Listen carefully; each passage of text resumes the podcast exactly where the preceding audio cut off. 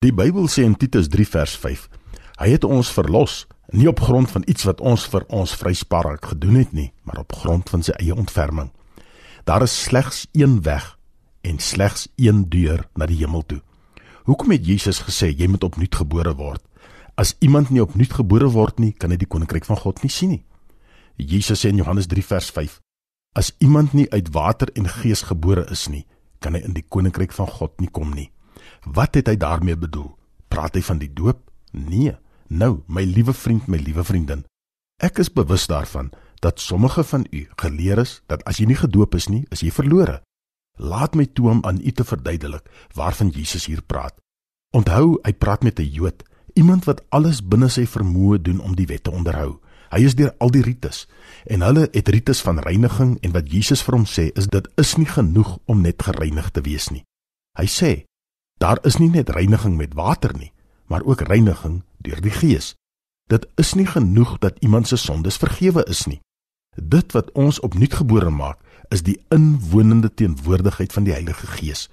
Die Bybel sê in 1 Korintiërs 12 vers 13: Omdat ons almal een liggaam geword het, is ons almal met die een Gees gedoop.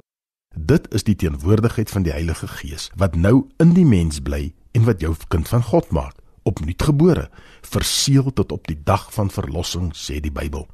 Miskien sê u, wel, kan iemand gered word al is hy nie gedoop nie? Verseker, want die doop kan nie red nie. Mens word gered deur die genade van God. Ek is verlief op die persoon van Jesus Christus. Jesus Christus, die seun van die lewende God. Hy praat nie hier van die doop nie. Hy sê dit is een ding vir iemand om van sy sondes vergewe te word. Dit is die reinigingsgedeelte. Maar ek moet nog steeds my lewe leef.